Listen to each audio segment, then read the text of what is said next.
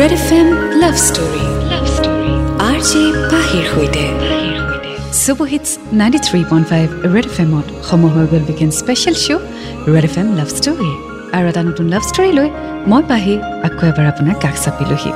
বেল আশা কৰোঁ আপোনাৰ ভাল। প্ৰেমৰ জাৰ্ণি আৰম্ভ কৰিম এটি নতুন চিঠিৰে। এই চিঠিখন পঠিয়াইছে ধুবুৰীৰ পৰা মুস্তাফাই আৰু তেওঁৰ নিজৰ ষ্টৰীৰ নাম দিছে প্ৰেম এজাক ধুমুহা। গতিকে আহক আজি শুনো মুস্তাফাৰ লাভ ষ্টৰী হাই পাহিবা প্ৰথমতে মোৰ সেৱা আৰু মৰম গ্ৰহণ কৰিব। আশা কৰোঁ আপুনি ভালেই আছে।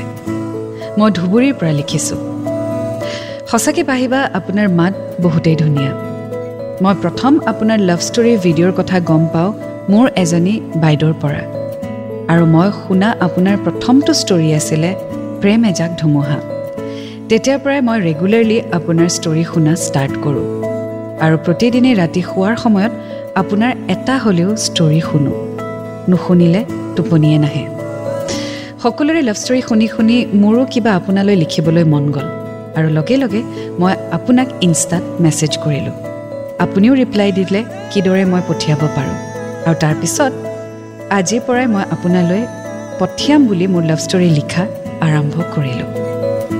পাহিবা মোৰ নাম মুস্তাফা মোৰ গাৰ্লফ্ৰেণ্ডৰ নাম ৰিচ্ছা। আমি দুয়ো এতিয়া টুৱেলভত পঢ়ি আছোঁ। একচুৱেলি পাহিবা আমাৰ ইণ্টাৰ ৰিলিজিয়ন ৰিলেশ্যনশ্বিপ মই মুছলিম আৰু তাই হিন্দু। সেইবাবে আমাৰ লাইফত বহুত কিবা কিবি ঘটিলে যিবিলাক আপোনাৰ সৈতে আজি শ্বেয়াৰ কৰিব বিচাৰিছোঁ। পাহিবা মোৰ ষ্টৰিটোৰ নাম আপুনিয়ে কিবা এটা দিব এইটো দায়িত্ব মই আপোনাকে দিলোঁ। মোৰ ষ্টৰিটো মে বি বেলেগতকৈ ডাঙৰ হৈছে। বাট আশা কৰোঁ আপোনাৰ কুলিৰ নিচিনা শুৱলা মাতেদি এইখিনি শুনিব পাৰিম। এতিয়া মই আৰম্ভ কৰিবলৈ ওলাইছোঁ। চ' মুস্তাফাৰ ষ্টৰি আৰম্ভ কৰাৰ আগতে আপোনাক জনাই দিওঁ যিহেতু তেওঁৰ প্ৰথম ষ্টৰি আছিলে শুনা প্ৰেম এজাক ধুমুহা। গতিকে সেইকাৰণে আজি এই ষ্টৰিটোৰ নামো মই এইটোৱে দিব বিচাৰিছোঁ প্ৰেম এজাক ধুমুহা। আৰু তেওঁলোকৰ জীৱনলৈ বহুতো ধুমুহা নামি আহিছে। ৰিজনটো আমি অলৰেডি গম পাইছোঁৱে because it's an inter religion love marriage so' কি কি ধুমুহা আহে কেনেদৰে তেওঁলোকে ধুমুহাসমূহ ফেচ কৰে সেয়া জানিবলৈ অকণমান অপেক্ষা কৰক। And ninety three point five red F M ৰহো red F M love story love story R J পাহিৰ সৈতে। Super hits ninety three point five red F এমত welcome back to special show' red F M love story আজি শুনি আছোঁ মুস্তাফাৰ love story প্ৰেম এজাক ধুমুহা। আগলৈ তেওঁ লিখিছে একচুৱেলি পাহিবা মোৰ ভালপোৱা ক্লাছ নাইনৰ পৰাই। তেতিয়া ওৱান ছাইডেড আছিলে। অনলি মোৰ ফালৰ পৰা। পাহিবা এইটো জানুৱাৰী দুহেজাৰ সোতৰৰ কথা।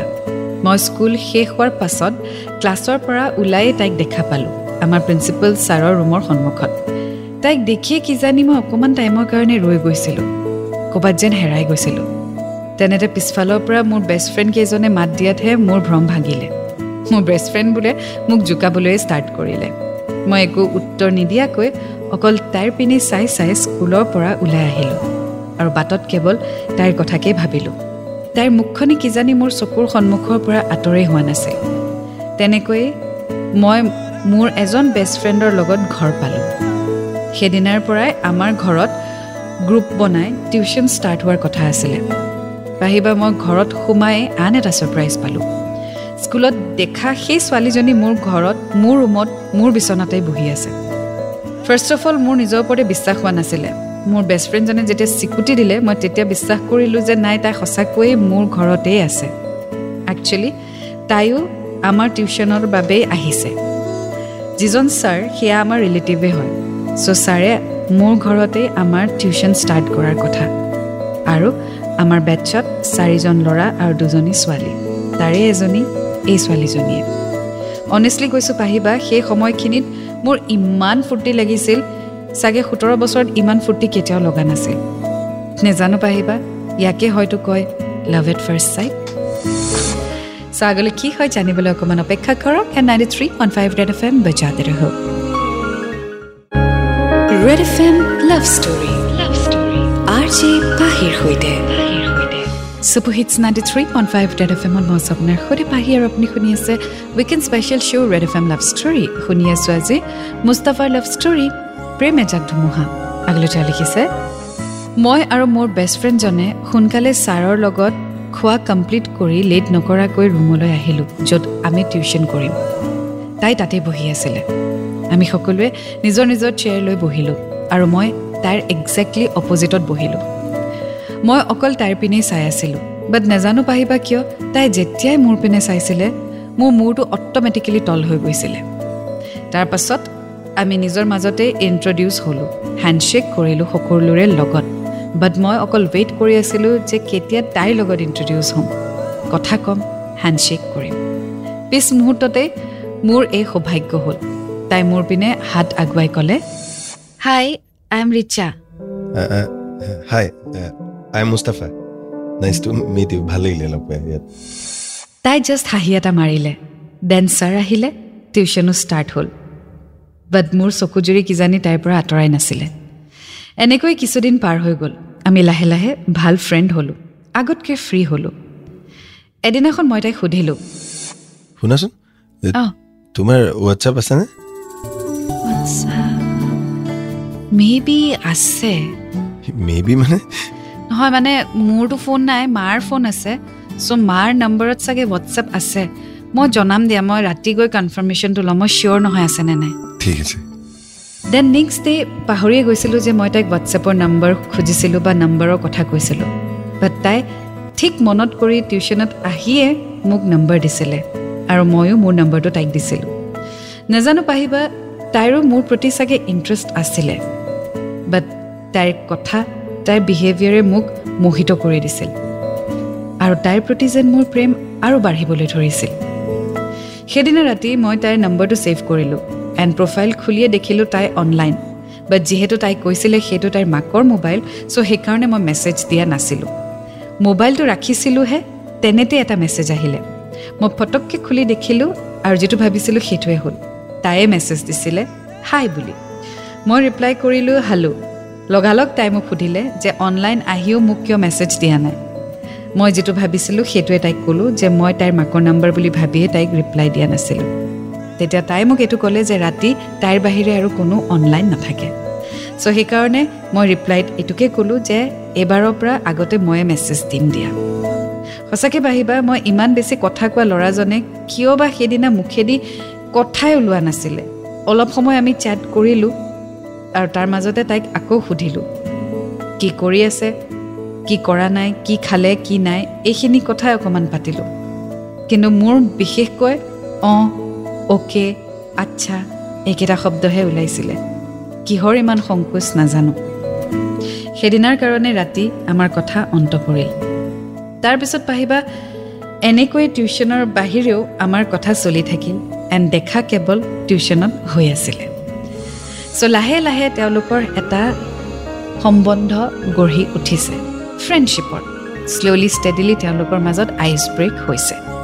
চ' আগলৈ কি হয় জানিবলৈ অকণমান অপেক্ষা কৰোঁ। And ninety three point five red F M বজাতে ৰহ। Red F M love story love story R J পাহিৰ সৈতে। Super hits ninety three point five red F এমত মই আপোনাৰ সৈতে পাহি। আৰু আপুনি শুনি আছে weekend special show' red F M love story আজি শুনি আছোঁ প্ৰেম এজাক ধুমুহা মুস্তাফাৰ লাভ ষ্টৰী আগলৈ তেওঁ লিখিছে বছৰ শেষ খবৰ হ'ল কিন্তু পাহিবা মই তাইক মোৰ মনৰ কথা ক'ব নোৱাৰিলোঁ। একচুৱেলি মোৰ ভয় লাগিছিল যে মই তাইক প্ৰপ'জ কৰিলে যদি তাই বেয়া পায় মোৰ লগত ফ্ৰেণ্ডশ্বিপেই নাথাকে এক্সেট্ৰা এক্সেট্ৰা বিকজ তাই তেনেকুৱা টাইপৰ ছোৱালীয়ে নাছিলে। তাই এইবিলাক একদমেই ভাল পোৱা নাছিলে। লাহে লাহে পাহিবা মই ডিপ্ৰেশ্যনত যাবলৈ ধৰিলোঁ। এই ভাবিয়ে যে আমি আকৌ নেক্সট ইয়াৰ একেলগে টিউশ্যন কৰিব পামনে নাই আমাৰ কথা হ'বনে নাই টিউশ্যন শেষ হোৱাৰ পিছত তাই মোৰ লগত কথা পাতিবনে নেপাতে মেছেজ কৰিবনে নাই এইবোৰ ভাবি ভাবিয়ে মই ডিপ্ৰেশ্যনত যাবলৈ ধৰিলোঁ। তাৰপিছত মোৰ অৱস্থা দেখি মোৰ বেষ্ট ফ্ৰেণ্ডজনে মোৰ গোটেই ফিলিংছ তাইৰ আগত প্ৰকাশ কৰি দিলে। তাইক কিছুমান কথা সি কৈ দিলে। দেন এদিন তাই মোক মাতি লৈ বাৰাণ্ডাত গ'ল আৰু মোক সুধিলে মুস্তাফা প্লিজ বাকী কথা বাদ দিয়া তোমাক মই কেইটামান কথা সুধিম সেইটো সঁচা নে তুমি অনেষ্টলি আনচাৰটো দিবা? কেনেকুৱা কথাবোৰ? কেনেকুৱা কথাটো নহয় তোমাক বাছ সুধিম তুমি উত্তৰটো দিবানে নিদিয়া? দিম বাৰু কোনোবাই কিবা কৈছে নি? মই তোমাক সুধিম তুমি খালি উত্তৰটো দি যাবা। ঠিক আছে। তুমি মোক ভাল পোৱা? হৈ গৈছে আচলতে। তুমি মোক ভাল পোৱা? পাই পেলাইছোঁ। তুমি জানা আমাৰ ৰিলিজন বেলেগ? চোৱা মুস্তাফা ফাৰ্ষ্ট অফ অল আমাৰ ৰিলিজন একদম বেলেগ। এতিয়া এইবিলাক কৰাৰ আমাৰ একদমেই সময় নহয়। স্পেচিয়েলি তুমি ইমান দিন এইবিলাক কৰি ইমান টাইম ৱেষ্ট কৰিছা নিজকে কষ্ট দিছা এতিয়া এইটোৰ পৰা ৰিকভাৰ হোৱা। আৰু মই ভাবোঁ আমি ফ্ৰেণ্ড হৈ থকাটো বেছি ভাল। ইন ফিউচাৰ কি হয় মই নাজানো but as of now let's remain friends আৰু ফ্ৰেণ্ডছ হৈ থাকিলে বহুত ঠিক হ'ব। চ' প্লিজ আমি ফ্ৰেণ্ড হৈ থাকোঁ। ঠিক আছে তুমি যি ভাল দেখিছা। তাৰপিছত সেইদিনা টিউশ্যনত আমাৰ ভালকৈ কথা নহ'ল। সেইদিনা বহুত কান্দিছিলোঁ মই ৰাতি। মই কাকো একো বুজিবলৈ দিয়া নাছিলোঁ কি হৈছে। বাট ভিতৰি ভিতৰি মই বহুত ডিপ্ৰেশ্যনত ভুগি আছিলোঁ। লাহে লাহে আমাৰ ডিষ্টেঞ্চ বাঢ়ি গৈ থাকিলে। মেছেজৰ পৰিমাণ কমি গৈ থাকিলে। এনেকুৱা এটা টাইম আহিলে যেতিয়া আমাৰ চব ষ্টপ হৈ গৈছিল। প্ৰথম কথাটো ক্লাছ নাইনতে ডিপ্ৰেশ্যন শব্দটো লোৱাটোৱে বহুত ডাঙৰ কথা। জাষ্ট বিকজ ছোৱালী এজনীয়ে তোমাক না ক'লে জাষ্ট বিকজ তুমি তাইক প্ৰপ'জ কৰিব পৰা নাই ভয় লাগিছে এইবিলাকৰ কাৰণে ডিপ্ৰেশ্যন হোৱা বুলি কোৱা কথাটো বহুত ডাঙৰ শব্দ। এইবোৰ ডিপ্ৰেশ্যন নহয়। এইবোৰ এনেকুৱা এটা চাইক'লজিকেল ইম'শ্যন যিটো বস্তুত আচলতে ৰেচিপ্ৰকেশ্যন নেপালে মানুহবোৰ উগুল থুগুল হৈ যায় মনবোৰ উগুল থুগুল হৈ যায়। এইটো ইম'শ্যনেল ৰ'লাৰ কোষ্টাৰ হয়। ইটছ নট ডিপ্ৰেশ্যন ডিপ্ৰেশ্যনৰ ভেলিউ বা ডিপ্ৰেশ্যনৰ শব্দটো বহুত ডাঙৰ। চ' এই প্ৰেমৰ ক্ষেত্ৰত মানুহে যিটো কয় যে মই ডিপ্ৰেশ্যনত ভুগিছোঁ সেই বস্তুটো আচলতে ইউজ কৰিব নালাগে। আপুনি ডিপ্ৰেশ্যনত ভোগা নাই আপোনাৰ আচলতে দুখ লাগিছে বা ভয় লাগিছে বা এটা ৰোলাৰ কষ্টাৰ ইম'শ্যনেল ৰাইড হৈছে যিটো আপুনি এক্সপ্ৰেছ কৰিব নোৱাৰে। আৰু এইটো হোৱাটো একদম স্বাভাৱিক কথা। ক্লাছ নাইনত কোনোবা এজনী ছোৱালীক ভাল লগা তাইক প্ৰপ'জ কৰিব পৰা নপৰা এটা দুমোজাত থকা it's all natural it will happen আৰু সেইটো চবৰে লাইফত আহিব।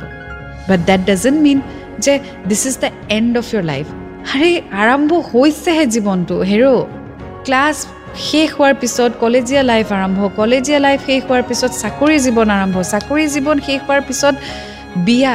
আৰু এই বাৰটা পোন্ধৰটা ত্ৰিছটা বছৰত কিমান মানুহ আপুনি লগ পাব জানেনে? আপুনি ভাবিব নোৱাৰে আপুনি কিমান মানুহ লগ পাব কেনেকুৱা কেনেকুৱা ধৰণৰ মানুহ লগ পাব। গতিকে এইখিনিতেই যদি এইটো অৱস্থা হৈ যায় জীৱনটো কেনেকৈ জীয়াব? আগুৱাই গৈ থাকিম and ninety three point five red F M বজাতে ৰ'ব। Red F M love story love story R J পাহিৰ সৈতে super hits ninety three point five red F M মই আপোনাৰ সৈতে পাহি। And welcome back to the show' red F M love story আজি শুনি আছোঁ মুস্তাফাৰ লাভ ষ্টৰী প্ৰেম এজাক ধুমুহা। আগলৈ তেওঁ লিখিছে। তাৰপিছত আমাৰ এক্সাম হ'ল। ৰিজাল্ট দিলে। মোৰ ৰিজাল্ট আশা কৰাতকৈ বেয়া হ'ল। এণ্ড আগৰ পৰা যিটো ভয় কৰি আছিলোঁ সেইটোৱে হ'ল। মোৰ পাপাই মোক বেলেগকৈ পাৰ্চনেলি টিউশ্যন দিলে। এণ্ড আমি দুয়ো বেলেগ হৈ গ'লোঁ। তেতিয়া আমাৰ কথা পতাৰ অকল এটাই বাদ আছিলে সেইটো হৈছে হোৱাটছএপ কিন্তু পাহিবাই যিদিনাৰ পৰা তাই মোক তেনেকৈ কৈছিলে সেইদিনাৰ পৰাই মই কিজানি নিজকে বেয়া বুলি ফিল কৰি ল'লোঁ। তাই পঢ়া শুনাক লৈ বহুত বেছি ছিৰিয়াছ আৰু মই মই পঢ়া শুনাত কনচেনট্ৰেটেই কৰিবলৈ পৰা নাছিলোঁ। চেষ্টা কৰিছিলোঁ কিন্তু পৰা নাছিলোঁ। মোৰ অৱস্থা দিনে দিনে বেয়া হৈ আছিল। তাকে দেখি মোৰ আন এজন বেষ্ট ফ্ৰেণ্ডে এটা প্লেন কৰিলে। একচুৱেলি পাহিবা তাইৰ বেষ্ট ফ্ৰেণ্ডজনী আৰু মোৰ এইজন বেষ্ট ফ্ৰেণ্ড গাৰ্লফ্ৰেণ্ড বয়ফ্ৰেণ্ড আৰু সেইদিনা তাইৰ আছিলে বাৰ্থডে গতিকে মোৰ বেষ্ট ফ্ৰেণ্ডজনে সেই বাৰ্থডেত ৰিচাকো মাতিছিলে। এণ্ড তাতে আমাৰ আকৌ এবাৰ লগ পোৱা পোৱাই হ'ল। সেইদিনাও তাই মোৰ লগত ভালকৈ কথা পতা নাছিলে। জাষ্ট মই যিখিনি সুধিছিলোঁ সেইখিনিৰে উত্তৰ দিছিলে। তথাপিও মই তিনিটা কোৱাৰ পিছত তাই এটা উত্তৰ দিয়ে। নেজানো সেইদিনা তাইৰ কি হৈছিলে। আমাৰ আগৰ পৰা প্লেন আছিলে যে সেইদিনা মই তাইক নিজ মুখেৰে প্ৰপ'জ কৰিম। বাট তাইৰ বিহেভিয়াৰ দেখি মোৰ মনটো বেয়া হৈ গ'ল। বাট তথাপিও বেষ্ট ফ্ৰেণ্ড তিনিজনৰ প্ৰেছাৰত মই তাইক ছেভেণ্টিন্থ অক্টোবৰ টু থাউজেণ্ড এইটিনত প্ৰপ'জ কৰিছিলোঁ। আৰু যিটো ভাবিছিলোঁ সেইটোৱে হৈছিলে। তাই ডিৰেক্টলি মোক নো বুলি ক'লে।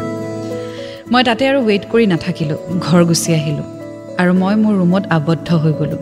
পিছদিনা তাই মোক ফোন কৰিলে। মই কথা পতাৰ ছিটুৱেশ্যনত নাছিলোঁ। বাট তাইৰ ফোন দেখি ৰিচিভো কৰিলোঁ। হেল্ল' কি হৈছে গা বেয়া নেকি? অঁ এনেই অলপ গাটো বেয়া। আচ্ছা শুনা এক্সট্ৰিমলি চৰি কালিৰ কাৰণে। মই একচুৱেলি তেনেকৈ বিহেভ কৰিব নালাগিছিলে। সেইখিনি শুনাৰ পাছত আৰু মই একো ক'ব নোৱাৰিলোঁ। মই কলতেই কান্দি দিলোঁ আৰু ফোনটো কাটি ছুইচ অফ কৰি দিলোঁ। কান্দি কান্দিয়ে শুই গ'লোঁ। সন্ধিয়া মোৰ বেষ্ট ফ্ৰেণ্ড এজন মোৰ ওচৰত আহিলে। আৰু মোক ছুইচ অফ কৰা ফোনটো ছুইচ অন কৰিবলৈ ক'লে। ৰিচাই হেনো বহুতবাৰ ফোন ট্ৰাই কৰি আছে চ' সেইকাৰণে মোক ফোনটো অন কৰিবলৈ ক'লে। সেইখিনি কৈ সি আঁতৰি গুচি গ'ল। মই মোবাইল ছুইচ অন কৰিলোঁ। তাৰ দহ মিনিটমান পিছতেই তাইৰ ফোন আহিলে। মই আকৌ ৰিচিভ কৰিলোঁ। হেল্ল' কি হৈছে তোমাৰ? মানে মোবাইল অফ কৰি ৰাখিছা যে কিমান টেনশ্যন হৈছে মোৰ জানা? হা? এনেকুৱা মানে এতিয়া ইমান সৰু কথা এটাত যদি তুমি এনেকুৱা কৰিছা হোল লাইফ কেনেকৈ থাকিবা তুমি মোৰ লগত? মানে? কি মানে? মানে I love you I can't live without you ইমান দিনে এইবোৰ কথা তুমি অকলে কৈ আছিলা ন? এতিয়া আমি দুয়োজনে মিলি ক'ম। আই লাভ ইউ মোৰ বিলিভে হোৱা নাছিলে পাহিবা কিছু সময় পিছত মই নৰ্মেল হ'লোঁ। সেইদিনা আমি বহুত সময় কথা পাতিলোঁ। মোতকৈ বেছি তাইয়ে কথা পাতিছিলে। আৰু তেনেকৈ আমাৰ ৰিলেশ্যনশ্বিপ আৰম্ভ হ'ল। আমি প্ৰায় ফোনতেই কথা পাতোঁ। মাজে মাজেতো কেতিয়াবা ফোনত কথা পাতি পাতি মোৰ টোপনিও আহি যায়। তাই আকৌ ফোনটো কাটি মোক কল বেক কৰি ভালকৈ শুবলৈ কয়। এনেকৈ ভগৱানৰ কৃপাত ভালে ভালে আমাৰ ৰিলেশ্যনশ্বিপ চলি আছিলে। বাট তাৰ মাজতে নামি আহিলে এজাক ধুমুহা। ৱেল এইখিনিতে এটা কথা আপোনাক ক'ব বিচাৰিম। যিসকল লোকে এতিয়াও পঢ়ি আছে আৰু যদি আপোনালোকৰ এনেকুৱা হৈছে যে আপুনি যাক বিচাৰিছে তেওঁ আপোনাৰ আনচাৰ দিয়া নাই বা আপোনাৰ প্ৰপ'জেলক একচেপ্ট কৰা নাই বা আপোনাৰ প্ৰস্তাৱক ৰেচিপ্ৰকেট কৰা নাই এটা কথা মনত ৰাখিব। আই এম চিয়'ৰ খুব বেছি হাৰ্ট ব্ৰকেন হোৱা যায় খুব বেছি বেয়া লাগে মনটো। অকলে থাকিবলৈ মন যায় কান্দিবলৈ মন যায়। কিন্তু এটা কথা মনত ৰাখিব সেই সময়খিনি যিখিনি গুচি যাব ন সেইখিনি আৰু আপুনি উভতাই নাপায়। ঠিক যিটো মুস্তাফাৰ লগত হ'ল তেওঁৰ ৰিজাল্ট বেয়া হ'ল। কাৰণ তেওঁ পঢ়াত মন নিদিলে তেওঁ ৰুমত সোমাই সোমাই কান্দি থাকিলে। তাইৰ ৰিজাল্ট ভাল হ'ল কিন্তু তেওঁৰ ৰিজাল্ট বেয়া হ'ল। লছটো কাৰ হ'ল? তাৰ হ'ল। আজি যদি ৰিজাল্ট ঠিকে থাকিলে হয় এটলিষ্ট এটা ছেটিছফেকশ্যন তাৰ লাইফত থাকিলে হয় যে অ'কে মোৰ ৰিজাল্টটো ভাল হ'ল। তাইও সেইটো কথা দেখিলে হয় যে তাৰ ৰিজাল্টটো ভাল সি পঢ়া শুনাত ভাল সি ছিৰিয়াছ হয় ল'ৰাটো। তেতিয়াহ'লে ৰিলেশ্যনশ্বিপতো সি ছিৰিয়াছ হ'ব পাৰিব। এইবোৰ বস্তু বহুত মেটাৰ কৰে। গতিকে যেতিয়া হাৰ্ট ব্ৰেক হয় বা যেতিয়া আপোনাৰ আপুনি ভবামতে কামটো নহয় সেই মুহূৰ্তত বাকী কামবোৰ এৰি নিদিব। আপুনিতো উশাহ ল'বলৈ এৰি নিদিয়ে। ভাত খাবলৈ এৰি নিদিয়ে বাকীখিনি কাম কিয় এৰি দিয়ে? অঁ আপুনি তাইক পোৱা নাই বা তাক পোৱা নাই বা তাৰ বাহিৰে আপোনাৰ কিছু দায়িত্ববোধ আছেতো নিজৰ লাইফৰ প্ৰতি নিজৰ ফেমিলিৰ প্ৰতি সেইখিনি কেলৈ এৰি দিবহে সেইটো কেতিয়াও নকৰিব। আগলৈ গৈ যদি কেনেবাকৈ আপোনাৰ আকৌ সেই ব্যক্তিজনৰ লগত সম্পৰ্কত আহিবলগীয়া হয় বা আহে তেতিয়াহ'লে আপোনাৰ বেয়া লাগিবনে যে আপুনি ইমানকেইটা বছৰ ৱেষ্ট কৰিলে? আপোনাৰ পৰীক্ষা বেয়া হ'ল আপুনি তাইতকৈ পিছুৱাই গ'ল আপোনাৰ ৰিজাল্ট বেয়া হ'ল চান্সেই কিয় দিয়ে? না কৰিবৰ কাৰণে। সমানে সমানে চব কৰি গৈ থাকক আৰু আজিৰ লাভ ষ্টৰীত কি ধুমুহা আহিলে জানিবলৈ অকণমান অপেক্ষা কৰক। And ninety three point five red F M বাজাতে ৰাখো red F M love story love story R J পাহিৰ সৈতে। Super hits ninety three point five red F এমত মই আছোঁ আপোনাৰ সৈতে পাহি এণ্ড ৱেলকাম বেক চলি আছোঁ weekend special show' red F M love story শুনি আছোঁ। প্ৰেম এজাক ধুমুহা মুস্তাবাৰ লাভ ষ্টৰী আগলৈ লিখিছে পাহিবা আমাৰ ৰিলেশ্যনৰ কথা ঘৰত গম পালে। ফাৰ্ষ্ট মোৰ ঘৰত দেন মোৰ ঘৰৰ মানুহে তাইৰ ঘৰতো জনালে। এণ্ড আমাৰ দুয়োৰে মোবাইল লৈ ল'লে। কেইদিনমান পাছত তাই মোৰ বেষ্ট ফ্ৰেণ্ডৰ যোগেদি মোক কণ্টেক্ট কৰিলে আৰু ক'লে চোৱা মই কিয় কৈছোঁ? মাহঁতেও গম পালে আৰু এতিয়া ঘৰত গম পোৱা মানে বহুত বেছি প্ৰব্লেম আহিব পাৰে। চ' মই ভাবোঁ এতিয়া আমি ৰিলেশ্যনশ্বিপটো এইখিনিতে ষ্টপ কৰি দিওঁ। বহুত বেছি বেয়ালৈ যোৱাৰ আগতে ষ্টপ কৰি দিওঁ। অলৰেডি মোবাইল চোবাইল লৈয়ে লৈছে। তাৰপিছত আৰু নেক্সট কি কৰে আৰু মোক যদি যাবলৈ নিদিয়ে পঢ়িবলৈ মই সেইটো একচেপ্টে কৰিব নোৱাৰিম। চ' আই থিংক ইয়াতে আমি শেষ কৰি দিয়াটোৱে ভাল হ'ব। তুমি একেবাৰে শেষ কৰিব বিচাৰিছা? হা। ঠিক আছে চোৱাচোন বাৰু তুমি যি ভাল দেখা তাৰ পাছত আমাৰ ৰিলেশ্যন তেতিয়াৰ পৰা ষ্টপ হৈ গ'ল। এণ্ড আমাৰ কণ্টেক্টটো ফুল্লি ষ্টপ হৈ গ'ল। পাহিবা মই নিজকে কণ্ট্ৰল কৰিব পৰা নাছিলোঁ। চ' মই মোৰ বেষ্ট ফ্ৰেণ্ডৰ যোগেদি তাইৰ ব্ৰেকআপৰ কাৰণো সুধিছিলোঁ। তাই একো কাৰণ নাই বুলিয়ে ক'লে। বাট মোৰ বেষ্ট ফ্ৰেণ্ড কেইজনে তাইক বহুত বুজোৱাৰ চেষ্টা কৰিলে। তাই ফাইনেলি এইটোও ক'লে যে তাই হেনো বেলেগক ভাল পায়। তাইৰ মোৰ প্ৰতি ফিলিংছ নাই। এইটো শুনাৰ পিছত মই একেবাৰে ভাগি গৈছিলোঁ। কিন্তু মোৰ বেষ্ট ফ্ৰেণ্ডে জনালে যে সেইটো একেবাৰে মিছা কথা। আচলতে মই যাতে তাইক পাহৰি যাওঁ সেইটো কাৰণে তাই এই কথাটো ক'লে। কাৰণ আমাৰ হাতত উপায় নোহোৱা হৈ গৈছিল। ময়ো চাইলেণ্ট হৈ গ'লোঁ। তাইক আৰু ডিষ্টাৰ্ব নকৰোঁ বুলি সিদ্ধান্ত ল'লোঁ। পাহিবা মোৰ লাইফত কিছুমান বহুত ডাঙৰ চেঞ্জ আহিলে। নৰ্মেলি ব্ৰেকআপৰ পিছত যিবিলাক হয় মোৰ এইচ এছ এল চি এক্সামৰ ৰিজাল্ট আশা কৰাতকৈ বেয়া হ'ল। মোৰ কিছুমান বেড হেবিটছো আহি গ'ল। তাইক পাহৰিবৰ কাৰণে মই কিছুমান বেয়া কাম কৰিবলৈ আৰম্ভ কৰিলোঁ। লাহে লাহে মোৰ ফ্ৰেণ্ডছবোৰো আঁতৰি গ'ল। মই একেবাৰে লোনলি হৈ পৰিলোঁ। এইখিনিতে পাহিবা মোৰ লগত আৰু এটা ঘটনা ঘটিলে। টুৱেণ্টি ছিক্স ফেব্ৰুৱাৰী দুহেজাৰ বিছত। মই তাইৰ পিক এখন হোৱাটছএপত ষ্টেটাছ দি মোৰ নিজৰ মনৰ কথা কিছুমান লিখিছিলোঁ। সেইটো তাই দেখাৰ লগে লগে মোক মেছেজ কৰি ফটোখন ডিলিট কৰিবলৈ কৈছিলে। ময়ো ডিলিট কৰিলোঁ কিন্তু যিখিনি কথা লিখিছিলোঁ সেইখিনি কিন্তু ৰাখি থ'লোঁ। চ' আকৌ একেটা কথাই হ'ল মানে মুস্তাফাৰ ৰিলেশ্যনশ্বিপটো শেষ কৰাৰ পিছত সি এনেকুৱা কাম কিছুমান কৰিব বিচাৰিলে বা কৰিলে which are a waste of time মুঠতে সময় নষ্ট কৰিলে। মানুহে কামবোৰ কৰি গৈ থাকিব লাগে বা কনষ্ট্ৰাক্টিভ কাম কৰিব লাগে বা মাইণ্ড ডাইভাৰ্ট কৰিব লাগে। কিন্তু মুস্তাফাই ৰুম এটাত বহি বেছ তাইৰে কথা ভাবি ভাবি ভাবি দিনটোৰ বাৰ ঘণ্টা চৌব্বিছ ঘণ্টা এটা নষ্ট কৰিছে। আৰু তাৰ ৰিজাল্টটো কি হ'ল? তাৰ পৰীক্ষাও বেয়া হ'ল। গতিকে ব্ৰেকআপ হোৱাৰ পিছত মই এইটো নকওঁ যে আপুনি কান্দিব নালাগে। কান্দক। মই এইটো নকওঁ যে দুখ কৰিব নালাগে। কৰক। কিন্তু আপোনাৰ লাইফটোতো ৰৈ নাথাকে ন? এইটোতো নহয় যে আপোনাৰ ব্ৰেকআপৰ পিছত আপুনি বেলেগক ভাল পাব নেপায় ন? তাইক তাইক বা তাৰ ফিলিংছখিনি লৈ নিজকে ষ্ট্ৰং কৰি আগুৱাই গৈ থাকিব লাগিব। ইউ নেভাৰ ন' কাইলৈ পৰহিলে কি হয়। আকৌ তাই ঘূৰি আহিবও পাৰে বা সি ঘূৰি আহিবও পাৰে। হয়তো আপুনি বেলেগকো লগ পাব পাৰে। বাট ডেট ডাজেণ্ট মিন যে আপুনি বহি বহি সময়বোৰ নষ্ট কৰি থাকিব। এই সময়বোৰ আৰু ঘূৰি নাহে। তাইও ঘূৰি নাহে বা সিও ঘূৰি নাহে। সময়ো ঘূৰি নাহে। গতিকে সময়টো আটাইতকৈ বেছি ইম্পৰ্টেণ্ট আৰু সময়ক এনেই এনেই ৱেষ্ট নকৰিব। চ' আগলৈ কি হয় জানিবলৈ অকণমান অপেক্ষা কৰক। And ninety three point five red F M বাজাতে ৰহো red F M love story love story R J পাহিৰ সৈতে super hits ninety three point five red F এমত মই আছোঁ আপোনাৰ সৈতে পাহি and welcome back to the show' weekend special red F M love story আজি শুনি আছোঁ মুস্তাফাৰ লাভ ষ্টৰী প্ৰেম এজাক ধুমুহা। আগলৈ তাই লিখিছে হোৱাটছএপৰ ঘটনাটোৰ পিছতে তাই মোক সুধিলে কি হ'ল মনে মনে আছে যে? তুমি ঠিকে আছা? আছোঁ আৰু। ঠিকেই বুলিও ক'ব নোৱাৰি। সেয়াই আৰু। Mustafa do you still love me what do you feel মই তোমাক প্ৰশ্নটো সুধিছোঁ তুমি উত্তৰ দিয়া। তুমি মোক এতিয়াও ভাল পোৱা নে? মই তোমাক এতিয়া কিজানি আগতকৈ বেছি ভাল পাওঁ। নাজানো। কি ক'লা? ময়ো। এই দুটা বছৰত মই ৰিয়েলাইজ কৰিলোঁ যে মই তোমাক কিমান ভাল পাওঁ। আগতকৈ বেছি ভাল পাই পেলাইছোঁ। মই বহুত চেষ্টা কৰিলোঁ বাট নোৱাৰিলোঁ। আৰু কেতিয়াও নোৱাৰিম। তোমাক এৰি থকাৰ বাবে মই মোক সম্ভৱেই নহয় সেইটো। তোমাক এৰি থাকিব মই কেতিয়াও নোৱাৰোঁ। প্লিজ মোক লাষ্ট চান্স এটা দিব পাৰিবা? প্লিজ চান্সৰ কথা একো নাই। তুমি মোৰ লগত সদায় আছিলা আৰু মোৰ কাৰণে সদায় থাকিবা। কিন্তু প্লিজ এইবাৰ যদি তুমি দূৰ হৈ যোৱা আকৌ মই চাগে সহ্য কৰিব নোৱাৰিম। বহুত বহুত কষ্ট হয় জানা। বহুত কষ্টত পাৰ কৰিছে এইকেইটা দিন। আৰু ফাইনেলি তুমি নথকাকেও তুমি থকা উপলব্ধি কৰি মই জীয়াই থাকিবলৈ হেবিটেই হৈ গৈছিলে মোৰ এইটো। কথা দিছোঁ তোমাক। তোমাৰেই হৈ থাকিম। আৰু এনেকৈ বহুত দিনৰ মূৰত টুৱেণ্টি ছিক্স ফেব্ৰুৱাৰীত আমি দুয়োজনে বহুত ৰাতিলৈকে কথা পাতিলোঁ। আৰু আমি ঠিক কৰিলোঁ যে নেক্সট দিনা আমি লগ কৰিম। সাতাইছ ফেব্ৰুৱাৰীত মই তাইৰ টিউশ্যন চেণ্টাৰৰ তাতে গ'লোঁ। তাত আমি লগ কৰিলোঁ।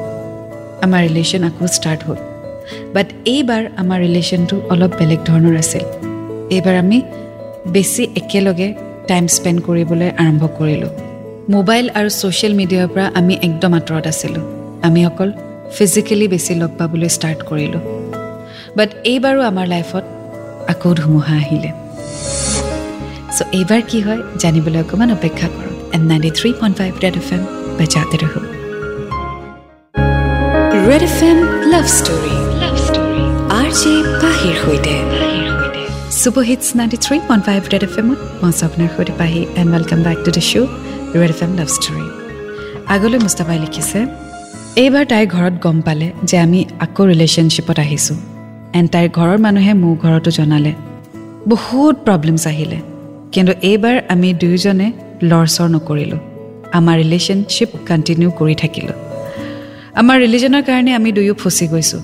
এণ্ড আমি লাষ্ট এমাহৰ আগতে আকৌ বেলেগ বেলেগ হ'বলৈ বাধ্য হ'লোঁ। কিন্তু পাহিবা এইবাৰ আমাৰ দুয়োজনৰ ইমানখিনি কনফিডেঞ্চ আছে যে এতিয়া আমাক আৰু কোনেও বেলেগ কৰিব নোৱাৰে।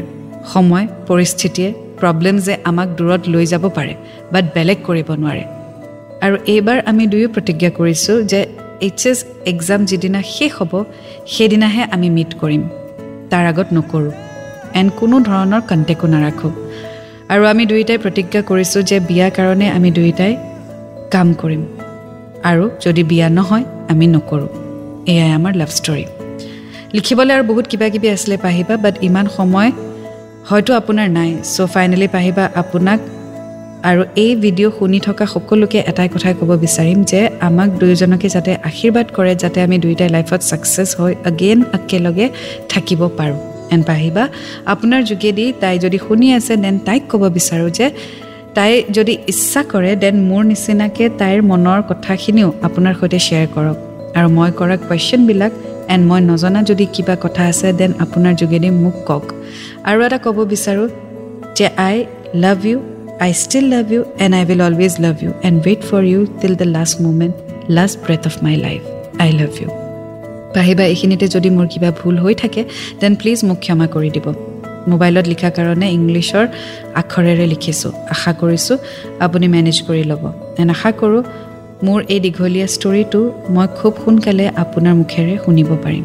I will wait for it thank you পাহিবা I love you thank you so' much Mustafa. তুমি তোমাৰ ষ্টৰি শ্বেয়াৰ কৰিলা আৰু ধৈৰ্য ধৰি তুমি ৰৈ আছা তোমাৰ ষ্টৰিৰ বাবে। তোমাক এইটোৱে ক'ব বিচাৰিম যে life is very short to cry and very long to wait bus সেইটোৱে তোমাক ক'ব বিচাৰিম। চ' তোমালোকে পঢ়া শুনা কমপ্লিট কৰা লাইফটোত ছেটেল হোৱা আৰু তাৰ পিছৰ ডিচিশ্যনখিনি পিছৰ। এতিয়াই এনেকুৱা ধৰণৰ ডিচিশ্যন লৈ নল'বা যিটোৰ কাৰণে পিছত ৰিগ্ৰেট কৰিব লাগে।